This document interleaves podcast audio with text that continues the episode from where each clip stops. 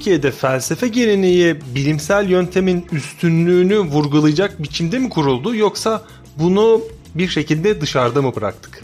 Rahenbach Türk felsefesine bir gelenek bıraktı mı? Nusret Hızır az yazmış olsa da bugünün entelektüellerinin hemen hepsinde izi olan bir gizli kahraman mı?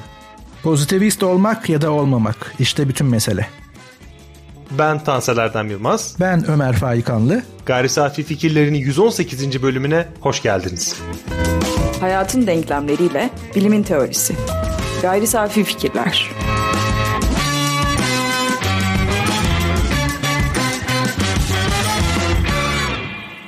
Gayri Safi Fikirlerin 118. bölümündeyiz. Bu bölümde de iki bölüm önce yaptığımız gibi Nusret Hızır'ı tartışmaya devam edeceğiz. Bir önceki bölümde Salih Zeki'yi konuşmuştuk. Bundan bir sonraki bölümde de yine Görkem'le Salih Zeki'yi tartışacağız. Bu bölümde esasen bir önceki bölümde Nusret Hızır'ın hayatı ve onu biçimlendiren fikirler çerçevesinde tartışmıştık. Bu bölümde Hızır'ın fikirlerini özümserken bir yandan ben ondan kısa alıntılarla bir alan açmaya çalışacağım. Senin yapacağın alıntılar var, senin temas edeceğin noktalar var.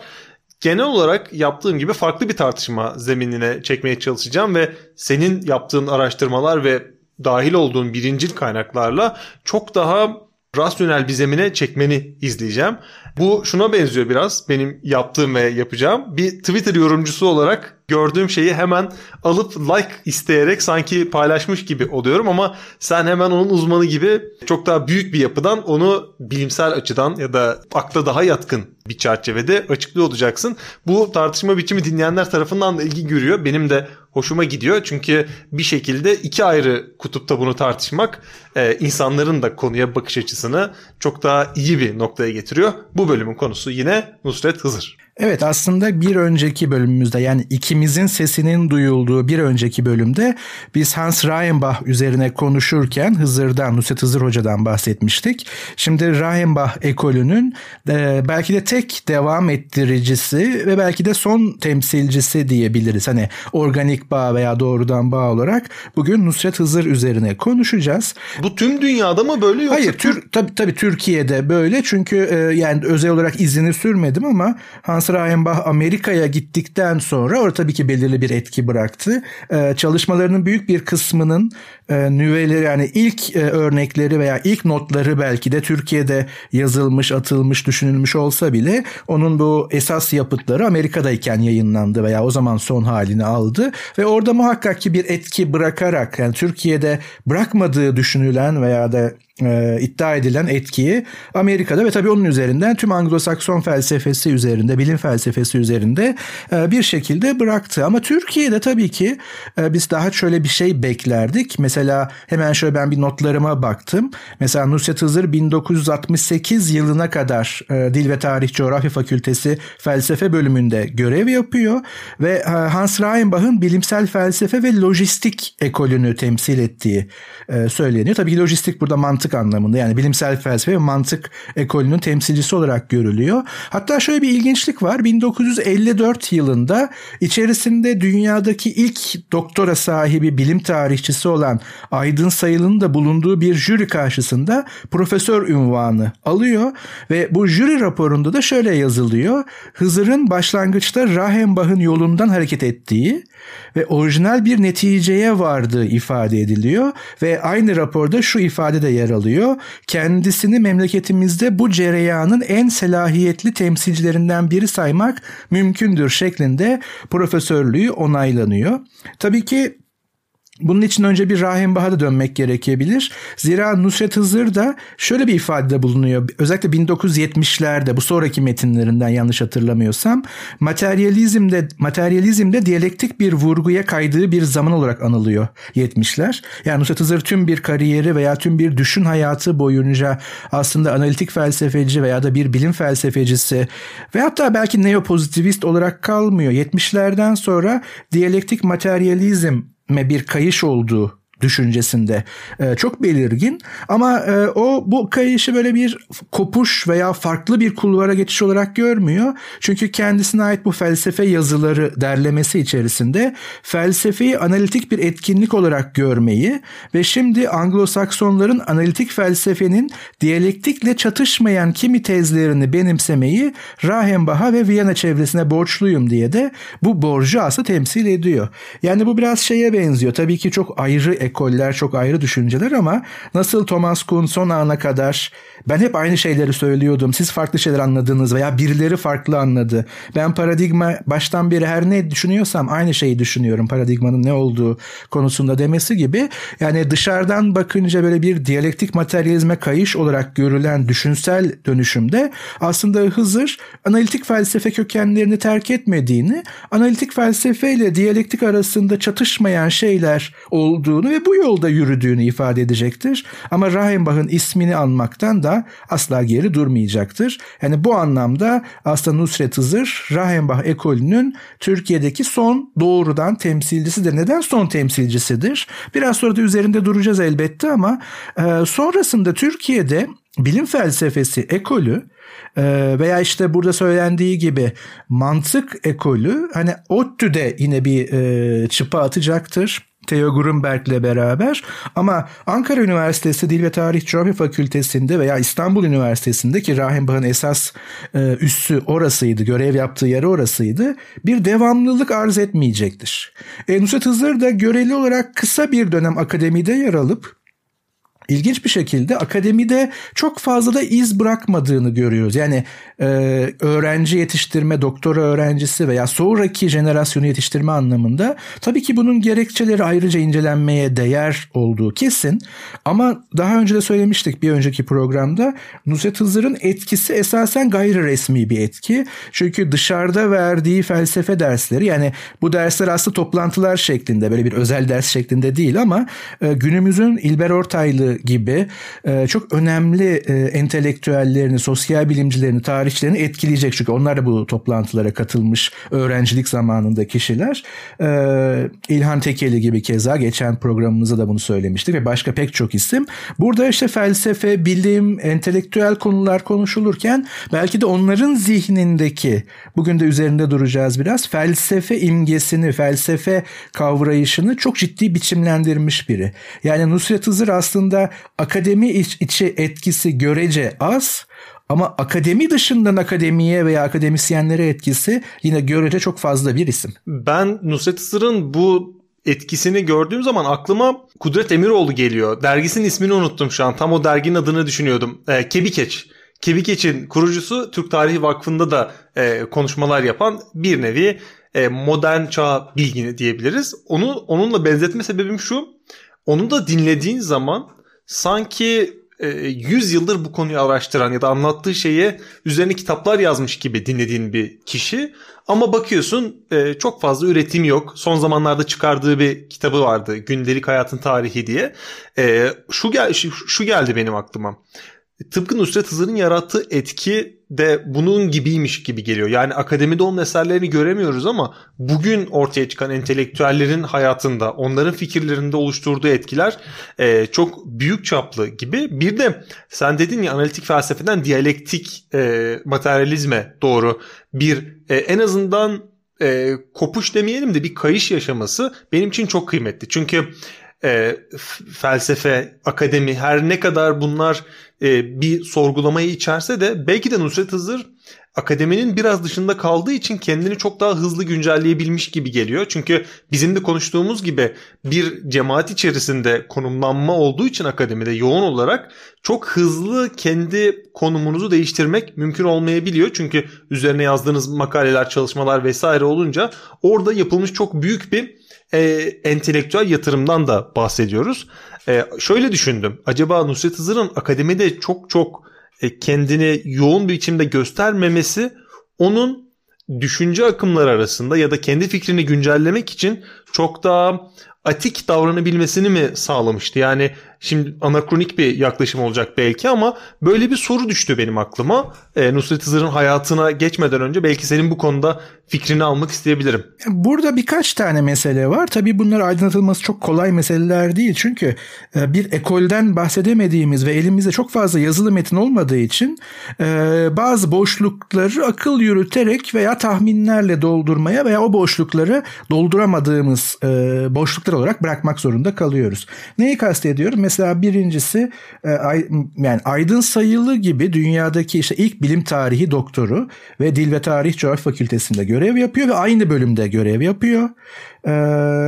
Hans Reichenbach gibi dünya bilim felsefesine, neopozitivizme doğrudan katkı sunmuş bir bilim filozofunun doğrudan öğrencisi veya devam ettiricisi olarak Nusret Hızır aynı koridorda yani şu anda benim de görev yaptığım koridordan Dil ve Tarih Coğrafya Fakültesi Felsefe Bölümü koridorundan bahsediyorum.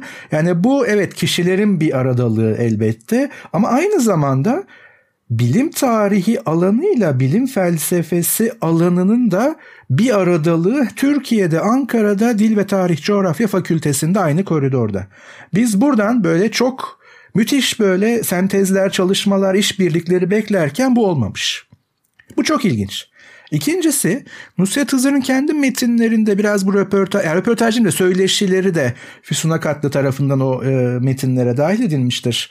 E, iki tane kitaptır zaten bunlar çok da değildir. Burada tek böyle rastladığım bir satır şeklinde yani şu an elimin altında değil birebir okuyamayacağım ama Söylediği şey şuydu. Dil ve Tarih Coğrafya Fakültesi felsefenin e, bu metafizik kafasına uyum sağlayamadım. Şimdi burada tabii ki sadece Aydın Sayılı ve Nusret Hızları yok. Başka bir ekol yani çünkü bir gün onun üzerine de konuşuruz. Ee, bir Fransız ekolü olarak aslında e, başlangıç Lecompte'la beraber. Yani İstanbul bir Alman bilim felsefesi ekolüyle yapılandırılırken Ankara'da Cumhuriyet'in ilk fakültesinde bir Fransızın öncülüğün, öncülüğünde bir felsefe bölümü yapılanması var. Burada acaba hani bir uyumsuzluk, kan uyuşmazlığı vesaire var mı? Ayrıca bakılabilir. Başka bir gün konumuz olur. Ama hani burada neyi kastediyor tabii ki çok açık değil. Tek bir cümleden büyük yorumlara gidemeyiz. Ama bu mesela ikinci bir boşluk. Yani bilimi konu alan tarih çalışmalarıyla bilimi konu alan felsefe çalışması, analitik felsefe veya e, neopozitivist felsefe aynı koridorda belki karşılıklı belki yan yana odalardayken neden buradan kurumsal bir aradalığa gidilemedi sorusu e, tabii ki çok yönlü olarak araştırılmayı bir şekilde bekliyor. Bunun ilişkin benim bir makalem vardı. Durumu sadece fotoğrafını çekmek için. Çok tabii ki e, derinleştirebildiğimi söyleyemeyeceğim. E, bütün bunlara cevap verecek şekilde. Aklıma şöyle bir soru geldi. E, lafını bölüyorum hemen. Ankara ekolüne Fransa'nın çok büyük bir öncülük ettiğini söylemiştin. E, Fransız bir filozof Lacombe. Yani yoksa Fransa değil tabii ki. Çünkü 1930'larda e, 30'ların sonunda Dil ve Tarih Coğrafya Fakültesine gelen akademisyenler sanki ben Alman ekolündeymiş gibi hatırladım. Felsefe için geçerli değil bu. Tamamdır şimdi oldu. Ama ama bu şey değil. Yani böyle bir e, biraz sonra üzerinde duracağız. Tabii ki daha derin bir analizi, bir üniversite tarihini veya üniversiteler tarihi veya yüksek öğretim tarihi ve politikası incelemesi çok daha iyi cevaplar verecektir. Bize tatmin edici cevaplar verecektir. Ama e, yani burada şey olduğunu ben düşünmüyorum. Yani orası Alman oldu, burası Fransız olsun. Buradan şunu alalım, oradan bunu alalım gibi değil elbette. Bazen de durumun gerekleri sizi buraya getiriyor ve iki ekolde kesinlikle hani biri diğerinden daha iyi veya daha kötü diyemeyiz. Ama tabii sonraki süreçleri farklı olmuş. Ee, ama ikinciyi de hemen söyleyeyim. Tabii bu çok şahsi ve e, insani bir şey. Nusret Hızır Hoca'nın kendisinin birebir ifade ettiği üzere metinlerinde veya bu söyleşilerinde e, hoca biraz bu yazma konusunda tembel. Yani diğer pek çok konuda değil ama yazma konusunda tembel. Yani şöyle düşünün bu kadar büyük bir e, zihnin topu topu iki kitap olacak derlemesi var. Onu da öğrencisi Füsun Akatlı yaptı e, makaleleri vesaire. Ben çünkü şeyi de bayağı araştırdım. Yani tabii ki bunlara alınmamış. Özellikle Dil ve Tarih Coğrafya Fakültesi'nin kendi yayınları içerisinde e, birkaç makalesi daha var dönemde yayınlanmış. Ama topladığımız zaman hani Nusret Hızır'dan bekleyebileceğimizin çok çok çok azı. Hele ki bu şey anekdotları ben dinledikçe keşke bir gün öyle bir hocayı konuk edebilsek e, podcast'imize. Hani birebir anılarını aktarabilse e, çok çok güzel olur. Belki İlhan Hoca, İlhan Tekeli Hoca'yı ikna ederiz. Öyle bir kayıt alırız. Sadece bunun üzerine. Ee, ama hani oradaki o söyleşileri ben biliyorum bu kitabımı hazırlarken. Hani buradan kendi reklamımı yapayım. Pozitivist olmak ya da olmamak. Hasan Ali Yücel ve Nusret Hızır'ın epistemolojik düşünceleri kitabını hazırlarken tabii ki ben hani buradaki o şahsi e, tanıklıklara da biraz gittim ama hani bunları kitaba çok taşımadım. Çünkü bunlar hani şöyle olmuştu böyle olmuştu şeyleri. Belki başka bir çalışma için saklayabilirim veya derinleştirebilirim. Ama hani oradan edindiğim bilgi yani çok iyi bir donanımı olduğu pek çok alanda ama bunları kağıda dökme konusunda kendi ifade tembel oldu. Şimdi biz sonraki jenerasyonlar olarak, sonraki nesiller olarak tabii ki daha çok metinler üzerinden tanımaya çalıştığımız için elimizde çok az şeyle malzemeyle bunu yapmaya çalışıyoruz. Bu da ikinci boşluk alanını bize oluşturuyor. Bu soruların cevabını vermek için.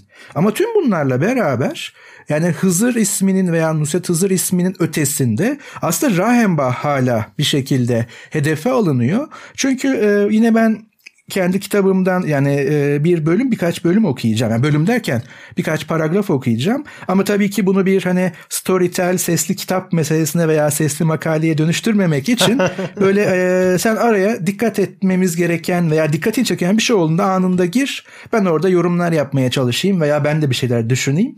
E, bu şekilde gidelim biraz çünkü bu mesele önemli.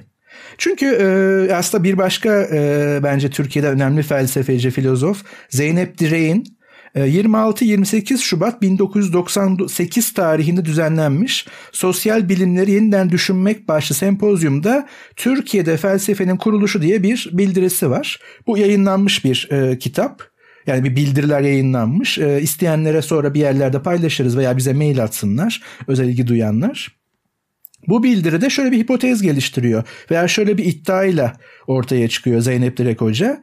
Ee, Türkiye'de felsefenin yeni kurulmuş bir ulus devlet eliyle yeniden kurulması söz konusudur ve bunun anlaşılabilmesi için kurucu edimin niyeti içinden çıktığı kültürün geçmişiyle ve geleceğiyle ilişkisi üzerinden kavranmalıdır. Neden yeniden kurulmuş diyor Zeynep Hoca? Onu hemen söyleyeyim bir ara malumat olarak verelim. Çünkü Türkiye'de akademik felsefe anlamında ilk bölüm 1910 yılında Darülfünun'da yani daha sonra İstanbul Üniversitesi olup Hans Reichenbach tarafından tekrar kurulacak veya yenilenecek olan felsefe bölümünün ilk kuruluşu aslında 1910 İstanbul Darülfünunu.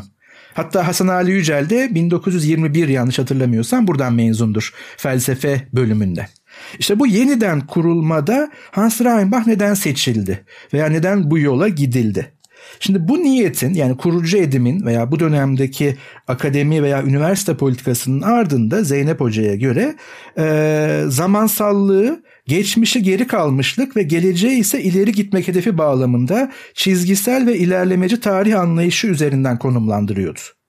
Bu konumlanmada batılıca bir rönesans biçiminde geçmişteki kökenlere dönerek bir yenilenmeyi değil, geçmişten mutlak bir biçimde koparak yeniye ulaşmayı hedefliyordu üniversite devrimi veya reformu.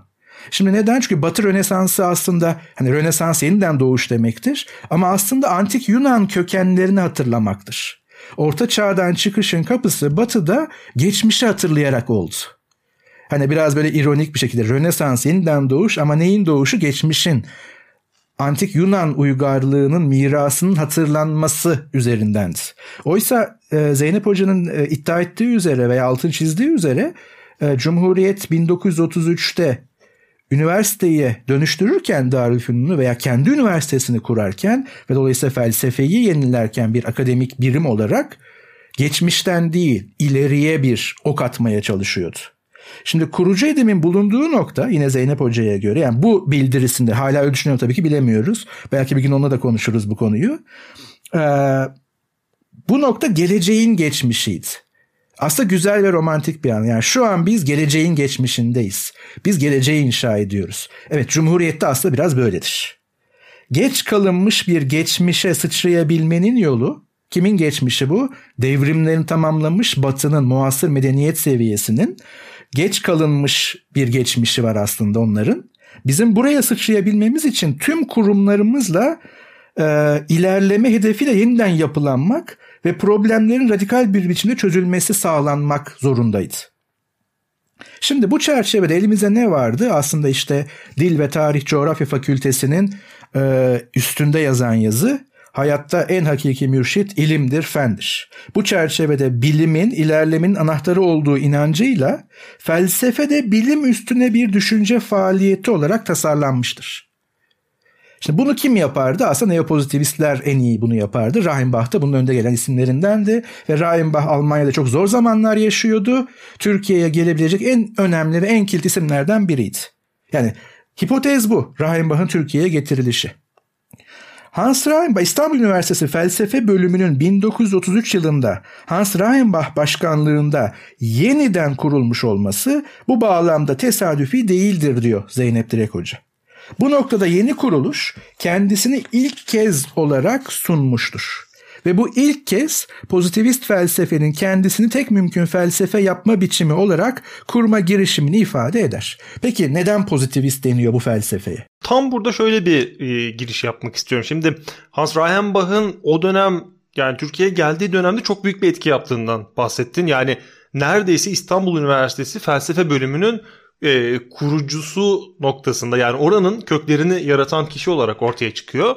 Ardından Ankara'da da büyük etki yaratıyor ama e, ortaya attığı fikirden yani geçen birkaç bölüm önce tartıştığımız üzere bilimlerin e, felsefenin alanına biraz daha dahil olması, felsefenin e, bu anlamda bilimleşmesini savunması vesaire bu konunun şu an e, çok alıcısı olmaması bir yana benim aklıma şu geldi o dönem bu kadar büyük bir etki yaratıp bu kadar büyük bir güce sahip olmasının yanında etkisinin yani İstanbul'da bile kurucusu olduğu İstanbul'da bile çok çabuk e, azalması acaba şu olabilir mi diye düşündürdü. Hiçbir zaman üniversite geleneğinde onun öncesindeki eğitim geleneklerinde de e, bilime böyle bir önem verilmedi. Yani bu önemden kastım da iyi anlamda değil. Yani bilimi böyle bir kontrol edici noktasında görme eğilimi Türkiye biliminde, Türkiye felsefesinde olmadı. Hans Reinbach geldiğinde o yaşarken e, Nusret Hızır gibi ya da o dönem onunla beraber çalışan insanlar gibi birkaç e, aydını değiştirdi. Ancak ortaya attığı fikir Türkiye özelinde uygulanabilir olmadığı için mi acaba böyle e, ciddi atılımlar yapmasına rağmen e, onun yarattığı ekole tutunamadık. Yani Burada e, bu endişeyle e, biraz yaklaşıyorum. Çünkü onun fikirlerine baktığım zaman e, bugünün şartlarına göre tartışmalı görülebilecek, üzerine gidilebilecek. E, hatta işte Feyerabend görüşleriyle karşılaştırdığımız zaman ortada bir anda böyle gaz ve toz bulutu çıkabilecek fikirler. Ama e, sadece Nusret Hızır'ın kalması ve İstanbul'da bile e, şu an onun izlerinin silikleşmesi beni biraz düşündürdü. Belki ya senin kitabın bu konuda çok daha iyi ve çok daha net tespitlerde bulunuyor. Özellikle Rahembah e, özelinde olmasa bile Nusret Hızır ve Hasan Ali Yücel'de. E, o yüzden böyle bir provoke, provokatif soruyu ortaya atıp topu sana atmak istiyorum. Tabii ki aslında ben de bir sonraki bölüme yani Tabii ki umarım ki yapabiliriz çünkü henüz daha çekilmedi. Henüz daha buluşulmadı. Ee, ama yani bunu ben eminim ki Görkem de üzerini çizecektir. Altını çizecektir daha doğrusu. Üzerini çizmesin altını çizsin. Ee, en azından üzerini fosforlu kalemle çizsin. Ee, aslında bilim felsefesi yani bilim üzerine felsefi düşünce tabii ki Rahimbach'la gelmedi aslında. Yani bu çok çok daha öncesinde Cumhuriyet öncesinde ve Cumhuriyet'in ilk yıllarında işte Salih Zeki isminde de biz bunu göreceğiz. E, Poincaré üzerinden özellikle yani bilim üzerine felsefi düşünce e, akademiye veya akademinin kuruluş aşamalarına veya Türkiye'deki entelijansiye çok çok uzak veya böyle çok radikal bir yenilik değil Rahimbach'la. Ama Rahimbach belli bir ekolü getiriyor bu anlamda evet. Yani neopozitivizmi. Neden tutunamadı? Şimdi onun üzerinde biraz daha duracağım. Hatta ne fırtınalar, kıyametler kopmuş gidişinde veya gidişinden sonra. Bunlar da bize çok ipucu verecek elbette. Ama şunu söyleyebiliriz. Şimdi aslında felsefe daha önce pek çok kez söylediğimiz gibi akademik felsefe veya felsefeyi sevenlerin de yani dışarıdaki amatör felsefe ve felsefeci ve filozofların da sorması gereken soru şu. Felsefe deyince ne anlıyorum veya felsefe nedir? Ben felsefeden ne bekliyorum? Yani o konuda da senin çok güzel bir tespitin var. Hatta geçmiş programlarda bunu kullanmıştık. Başlığa taşımış mıydık hatırlamıyorum ama hani felsefeyi sevmek değil de felsefeyi sevmeyi sevmek daha yaygın.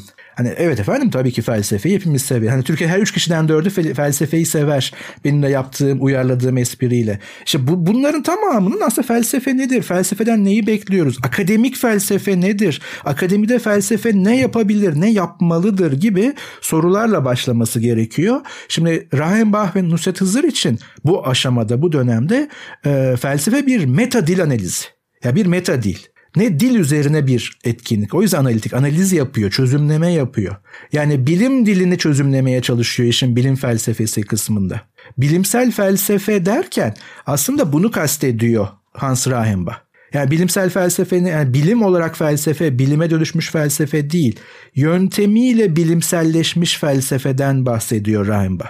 Peki bu ne anlama geliyor? Yani bilimsel bilgi üreten bir disipline dönüşürse o bilim olur felsefe olarak kalamaz. Felsefe böyle bir dünyada bilimin bilgi ürettiği ve hatta yegane bilgi üreten etkinliğin bilim olduğu bir dünyada bilim üzerine bir etkinliktir. Bilimi çözümleyen bir etkinliktir. Zaten onu pozitivizmle ve neopozitivizmle e, ilintilendiren konumlanış da bu. Ama Türkiye'de felsefe dendiği zaman ve tabii ki şimdi bilim üzerine bir felsefe deyince en azından kökeninde bir anti metafizik görüyoruz. Çünkü neopozitivizm yani yeni pozitivizm Türkçesiyle pozitivizmin evrilmiş, çeşitlenmiş e, sonraki türevlerinde alt e, dallanmalarında aslında birbirine uyuşmaz pek çok konumlanış var. Peki hepsini birden neopozitivist kılan nedir dersek anti metafizikte uzlaşırlar. Rahenbach'ta, Nusret Hızır da başlangıç için en azından böyle. İşte anti metafizik dediğimiz zaman metafizik alana neler giriyor?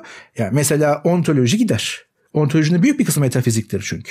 Ya da teoloji gider. Zaten hani din inanç üzerine kuruldur ve metafiziktir bu anlamıyla. Şimdi bu anti metafizik belki de bir tür e, nasıl söyleyelim doku uyuşmazlığı da yaratıyor. Ama bundan da öte hani hep böyle şeye getirilmeye çalışılır. İşte din bilim çatışması veya işte dinin ötelenmesi ki hani bu suçlamalar da yapıldı pozitivizm üzerinden bu kuruluş edimine. Ama bundan çok daha öte bir şey. Ya biz felsefeden ne bekliyoruz? Veya felsefe deyince ne anlıyoruz? Yani felsefe nedir sorusunun doğru bir cevabı var mı? Böyle soralım. Yoksa felsefenin ne olduğuna dair farklı inançlar mı var? Yani ben felsefenin e, ontoloji olduğuna inanıyorum mu demek daha doğru. Veya ilk felsefenin önceki felsefi soruların ontoloji olduğuna inanıyorum. E sen de inanmıyorsun. Tamam tartışma bitti. Ama felsefenin öncelikli soruları ontolojik sorulardır. Nokta önerme ise bu. Şimdi o zaman hangi cevap doğru? Sorusu. Şimdi Reinbach'ın ve Nusret Hızır'ın burada bir konumlanışı var. Bir etkinlik. Bakın felsefe bir öğreti değil bu konumlanışı. Felsefe bir etkinlik, yapılıp edilen bir şey. Yoksa hani Aristoteles felsefesi diye bir şey çok saçma bu konumlanışta. Aristoteles'in düşünceleri, öğretileri, metinleri. Felsefe yapılan bir şey. Çözümleme, anlamı çözümleme, önermeleri çözümleme, temel kabulleri ortaya çıkarma, bunlar arasındaki ilişkilerin nasıl kurulduğunu görünür kılma. Şimdi bu tabii ki belirli bir felsefe e, tedrisatından geçmiş veya belirli bir felsefe inancına sahip kişilerde doku uyuşmazlığı gösteriyor. Yani şunu düşünsenize şu an bile bizim dinleyicilerimizin bir kısmının tüyleri böyle diken diken olmuştur. Felsefe hakikati arar ya da hayatın anlamını arar. Halbuki bu konumlanışta soru şu. Bakın bu güzel bir örnek olabilir. Şu an aklıma geldi. Şimdi birisi mesela diyor ki felsefe hayatın anlamının aranmasıdır. Hayatın bir anlamı var mı ya da hayatın anlamı ne? Rahenbach ve Hızır'ın konumlanışının buraya soracağı soru şu. Hayat yani yaşam ve anlam derken ne kastediyorsun? Anlamın anlamı ne? Soru bu. Yani hayatın anlamı ne diye soruyorsun ya. Buradaki anlamın anlamı ne? Neyi kastediyorsun? Hayat derken neyi kastediyorsun? Veya bu soruyu soran neyi kastetmiş eğer bir metinse. Çözümleme bu. Hayatın anlamı nedir sorusu değil. Hayatın anlamı nedir sorusunun anlamı ne? Bu anlamlı bir soru mu? Cevaplanabilir bir soru mu? Yani soruyu kategorize etmek. Nihayetinde aslında bunun cevaplanamaz bir soru oldu. Yani metafizik bir soru oldu. Aslında anlamsız bir soru oldu.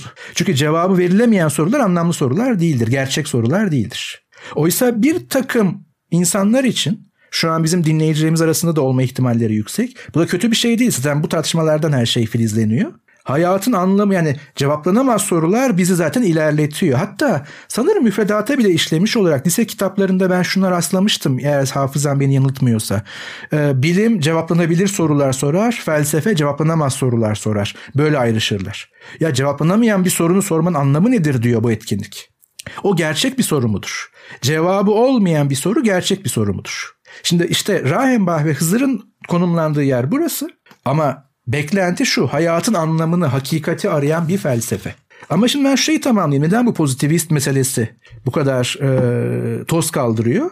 Çünkü pozitivist felsefenin bir tür yeniden kuruluş ve sıfır noktası felsefesi olmasının nedenlerinden biri bilim ilerleme ilişkisini kavramsal olarak olmasa da sezgisel olarak kavramış olan ve hızla bilimselleşmesi gereken bir ülkenin önündeki hazır bilim felsefesinin pozitivizm olmasıdır. Yani zaten hazırda yapıla gelen felsefe buydu dönem itibariyle. Ha tabii ki şimdi dikkatli dinleyicilerimiz veya konuyu bilenler ve hatta belki Görkem bunu dinlerse o bile şunu söyleyecektir.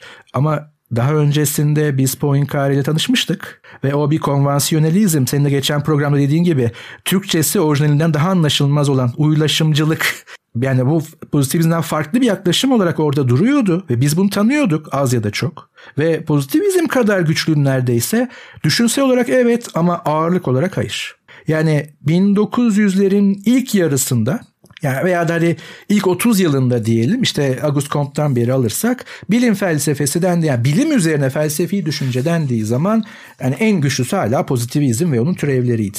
Ve kuruluş yani 1933'e geldiğimizde yani 23-33'e diyelim zaten bilim üzerine düşünürken de hazır elimizdeki felsefe de buydu.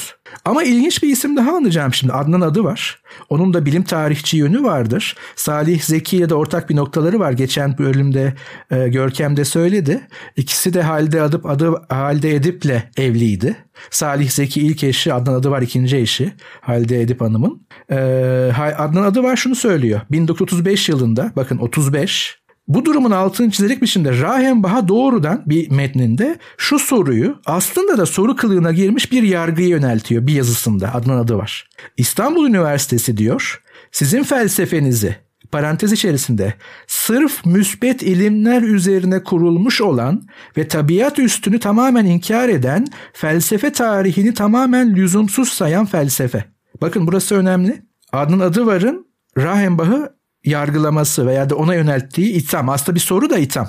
Sizin felsefeniz yani Rahenbach'ın felsefesi neymiş bu felsefe Adıvar'a göre? Sırf sırf müsbet ilimler üzerine kurulmuş yani pozitif bilimler yani doğa bilimleri üzerine kurulmuş olan ve tabiat üstünü yani metafiziği tamamen inkar eden ve bu da yetmiyormuş gibi felsefe tarihini tamamen lüzumsuz sayan felsefe. Şimdi yargı kısmına geçeceğim ama demin söylediğim şey nasıl e, örtüşüyor buna dikkat edelim. Antimetafizik, bilimler üzerine bir felsefe, doğa bilimleri üzerine bir felsefe daha dar anlamıyla ve bir etkinlik olduğu için felsefe tarihini lüzumlu görmüyor yapıla gelen bir şey olarak felsefenin felsefe tarihinde öğrenecek bir şeyi yok. Yani Aristoteles felsefesini öğrenmek anlamlı değil. Ya tabii ki okunur, okunmalıdır. Hangi soruya nasıl cevap vermiş? Ama burada doğru cevap var mı yok mu ya bakmaya bile gerek yok. Çünkü felsefe şu an burada yapılan bir şey, bir etkinlik. Bir metadil analizi. Peki bunu nasıl yargılıyor? İstanbul Üniversitesi sizin felsefenizi kendi ideolojisine uygun bulduğu için sizi hocalığa seçmiş olacak galiba diyor. Rahenbach'a bir e, ne diyelim soru kılığına girmiş bir yargılamayla. Ama diğer bir neden daha var. Bu ilk nedenle de ilişkili ve Zeynep Direğin ifadeleriyle dışarısında kalınmış, ait olunamamış bir felsefe geleneği karşısında tarihsel bir kompleksle felsefe yapmaktansa felsefeyi tarihsellik meselesi hiç işi içine kasılmadan zeki olan herkesin yapabildiği bir şey olarak tasarlayan Anglo-Sakson felsefe geleneğini benimsemek ve önünü açmaktı diyor. Zeynep Hoca yine. Şimdi ben buna kısmen katılıyorum. E, elimde yeterli bilgi yok, niyet okuyabilecek bir durumda değilim. Yani bu kadar planlı programlı bir meta felsefe konumundan böyle bir tercihte bulunuldu ve felsefe tekrar mı dizayn edildi? Bu kadar olduğunu düşünmüyorum. Ama sonuç buraya doğru geldi. O doğru.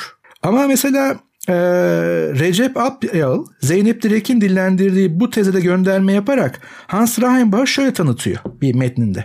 Kuşkusuz o yani Reichenbach kendi çapında önemli ve kendi çevresi içinde büyük bir isimdi. İstanbul'a gelmeden evvel.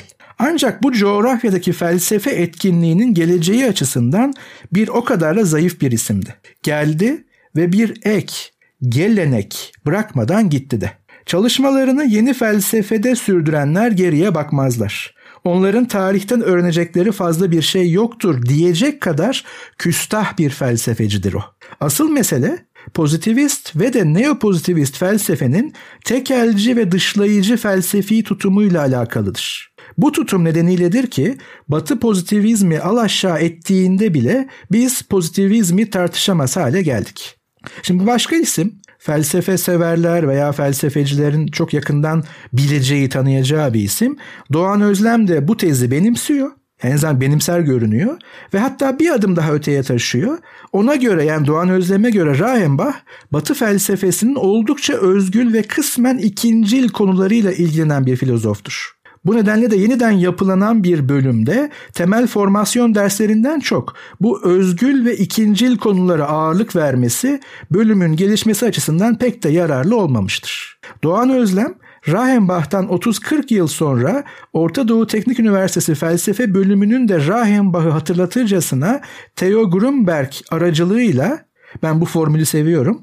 Pek az felsefe, bir miktar pozitivist bilim felsefesi pek çok sembolik mantık formülüyle özetlediği biçimde bir uygulamaya geçmesini de Türkiye'de felsefenin gelişmesi açısından bir talihsizlik olarak görür. Daha pek çok örnek var. Üzerinde dururuz veya hatırlarız tekrar yeri geldikçe.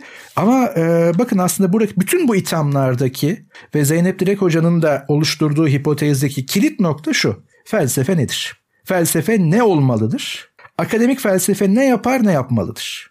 Çünkü dikkat edelim burada aslında bir derece farkı var. Yani bilim üzerine felsefe tabii olur ama buraya kitlenemez felsefe. Felsefe daha buradan taşar. Bu kaba sığmaz.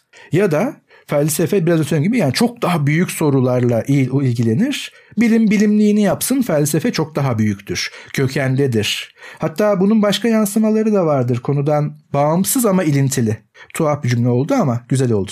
Neden? Çünkü ben de kendi hocalarımdan zamanında mesela birinci birinci sınıf filozoflar, ikinci sınıf filozoflar ayrımını duymuştum. Yani mesela ben değil ama birileri ben şu filozofun düşünceleri üzerine veya teorisi üzerine çalışacağım deyince o ikinci sınıf filozofu onlar üzerine çalışmayın. Birinci sınıf filozoflar üzerine çalışın diyenler de vardı. Bakın tüm bu kategorizasyonlar bizi meta felsefeye getiriyor tekrar. Yani felsefenin ne olduğuna dair felsefi soruya. Çünkü daha önce de bunu dillendirdik. Fizik, fizik nedir diye fizik açısından soramaz. Kimya, kimya nedir diye kimyevi bir soru, kimya ile ilgili bir soru soramaz. Ama felsefe nedir sorusunun kendisi felsefi bir sorudur. Meta felsefe sorusudur. Aslında buradaki çatışma, buradaki mücadele meta felsefe alanında oluyor. Biz felsefeden ne bekliyoruz? Mesela yine Rahenbach İstanbul Üniversitesi felsefe bölümünde Bergson'un kitaplarını edebiyat bölümünün kütüphanesine gönderdi. Çünkü bunların yeri orasıdır dedi. Yani Bergson yine felsefeci veya felsefeyi seven dinleyicilerimiz bilecektir. Bir filozof olarak bilinir. Felsefe tarihi önemli bir filozofudur. Türkiye'yi de özellikle Tanzimat döneminde ve sonrasında önemli etkileri olmuştur düşüncelerinin. Ama Rahenbach'ın baktığı yerden Bergson bir edebiyatçıdır. Bergson ve Rahenbach ikili arasında da e, çok ilginç tartışmalar var. Bu arada e, Ryan Bach'a gelen olumsuz tepkilerin bazılarının kaynağında da onun bu hem Bergson'a hem de neopozitivizme olan e, nasıl diyeyim ikisinin ayrı ayrı mesafeleriyle ilgili bir tartışma var. Çünkü Bergson'un e, Türk nasıl diyelim muhafazakar düşüncesinde çok büyük bir etkisi var. O, o düşünce ağlarında çok büyük bir etkisi var. Aynı zamanda Ryan Bach'ın pozitivizmi hatta ortaya attığı pozitivizmin bir ileri aşaması neopozitivizmi çok daha katı yaklaşımı bu da aynı şekilde benzer çevrelerde çok hoşlanılmayan bir e, yaklaşım ve zaten halen daha tartışması süren pozitivizm tartışmaları halen sürüyor. Ryan Bach'ın ortaya attığı tez çok daha bunun katı hali ve bugün de e, Ryan Bach'a gelen tepkiler yani akademide e, etkileri soluklaşmış olsa bile böylesine ciddi bir biçimde nesneleşmesi, bu tip tartışmalarda nesneleşmesi ve üzerinde herhangi bir ek yapamamış, e, bunları becerememiş gibi e, esasen edilmesine çok gerek olmayan sözlerin hedefi olmasında ben bunu da görüyorum. Çünkü o konumlanışı e, bir şekilde onun için çok nötr olsa da bu tarafta çok farklı bir şekilde yankılanmış gibi görünüyor. E, bu arada anlattıklarını ben keyifle dinliyorum. Bir yandan araya girsem mi diyorum. Bir yandan da hem kitabını incelediğim hem de e, o kitabın ben de e, okuduğum kısımların etkisinde olduğum için yani şu an araya girdiğim her şey o anlattığın kısmı e, lightlaştıracaktı. O yüzden çok teşekkür ederim. Belki bu konuda e, bir bölüm daha yapmamız gerekebilir. Hem Bach hem Hızır özelinde belki e, Adıvar'ı da buraya dahil edebiliriz. Çünkü onun da ortaya attığı işte Osmanlı Türklerinde ilim e, kitabı ve onun çerçevesinde yani bu Fransızca ya da Türkçe'ye çevrilmiş e, bilim tarihi çalışmaları e, çok büyük öneme sahip. Belki bu üçlü çerçevesinde hatta e, Berk artık Reichenbach'ı biraz daha dışarı bırakarak e, bu tartışmayı sürdürebiliriz. Çünkü burada sadece bilim tarihsel ya felsefeden ziyade bugüne de sarkan çok önemli e, noktalar var. Magazinel diyoruz ama o magazinellik e, bugünün düşünsel hayatına da sıçradığı için benim çok ilgimi çekiyor. O yüzden bu en az bir bölümü daha kaldıracak bir konu. Ben de acaba e, bir sonraki bölümde bunu nasıl tartışırız, nasıl ele alırız diye bir yandan arkada bunu çalıştırıyorum ama e, gelen yorumlara da baktığımız zaman insanlar Nusret Hızır'ı duymaktan dolayı mutlu. Onun fikirlerini belki doğrudan e, hissedemiyor olabiliriz ya da onun fikirlerini doğrudan okuyamıyor olabiliriz ama Türk düşünsel hayatındaki etkilerinin e, hacminin hiç de az olmadığının farkında olmak çoğu insana yeni bir kapı aralıyor bende olduğu gibi. O yüzden e, hem kitabı kaleme aldığın için teşekkür ediyorum. Bu arada kitapla ilgili e, şimdi sen reklamı yapıyorum dedin ama bu bu tip niş görülebilecek alanlarda yazılmış e, detaylı eserlerin bana kalırsa reklamı yapılması gerek. Bölümün açıklamasında kitabı incelemek isteyenler, isteyen dinleyenlerimiz için ben e, linki de eklemiş olacağım. Böylece hani hangi kitaptan bahsediyoruz, nerede bulabiliriz gibi sorular ortaya çıkacak olursa hemen açıklamaya bakabilirsiniz. Senin bir katkın ya da ek e, yorumun yoksa e, yaklaşık 40 dakika olmuş hatta 40 dakikayı geçmişiz. Bu bölümü yavaştan kapatalım istiyorum. Evet hatta bir bölüm daha sonraya pas atmamız güzel oldu. Çünkü hani Nusret Hızır isminden bahsettik elbette ama onu anlayabilmek için biz tekrar Rahenbach'a ve onun bıraktığı veya bırakamadığı gelenek üzerinden Nusret Hoca'yı konumlamaya çalıştık. O yüzden hem Nusret Hoca'yı da tekrar dahil edeceğimiz dediğin isimlerle beraber bir bölüm daha sözümüz olsun. Harika. 118. bölümün sonuna geldik. 100 bölümü ne zaman devirdik diye derken yaklaşık 150 bölüme yaklaşıyoruz. Ee, yakın zamanda bir doktora tezi üzerine bana ulaşan bir araştırmacıyla konuştum. Türkiye'deki podcast yayıncılığı üzerine. Ee, yapılan yayınların arasında böyle en eskilerden bizi görüyorlar. Ee, bu, bu bana e, çok kıymetli bir his veriyor. Yani anlattığımız şeylerin bir yerlerde yankı bulması, e, bir yandan bu kadar bölüm bunları tartışıyor olmak, bir yandan halen her bölümde en az üçer bölüm e, konuların tazikiyle karşılaşıyor olmak e, çok heyecan verici. O yüzden biz dinleyenlere de teşekkür etmek istiyorum buradan. Bizi Twitter'da takip edebilirsiniz. Tüm güncellemelerimizi, tüm duyurularımızı hatta ara ara hem Ömer'in hem de benim paylaşımlarımızı belli başlı kaynakları paylaşıyoruz e, çoğu kullanıcının buradan çok beslendiğini duyuyoruz. E, bize mail atabilirsiniz gayrisafifikirler.gmail.com üzerinden. Bizi Instagram'da da gayrisafifikirler et gayrisafifikirlerden takip edebilirsiniz. Bizi yorumlamak, eleştirmek isterseniz Ekşi Sözlük'te Gayri Safi Fikirler sayfası her zaman aktif. Hatta bölümlerle ilgili sorular, bölümlerle ilgili tartışmalar bile yapılıyor. Heyecanla ve keyifle takip ediyoruz. 119. bölümde tekrar görüşmek üzere. Görüşmek üzere.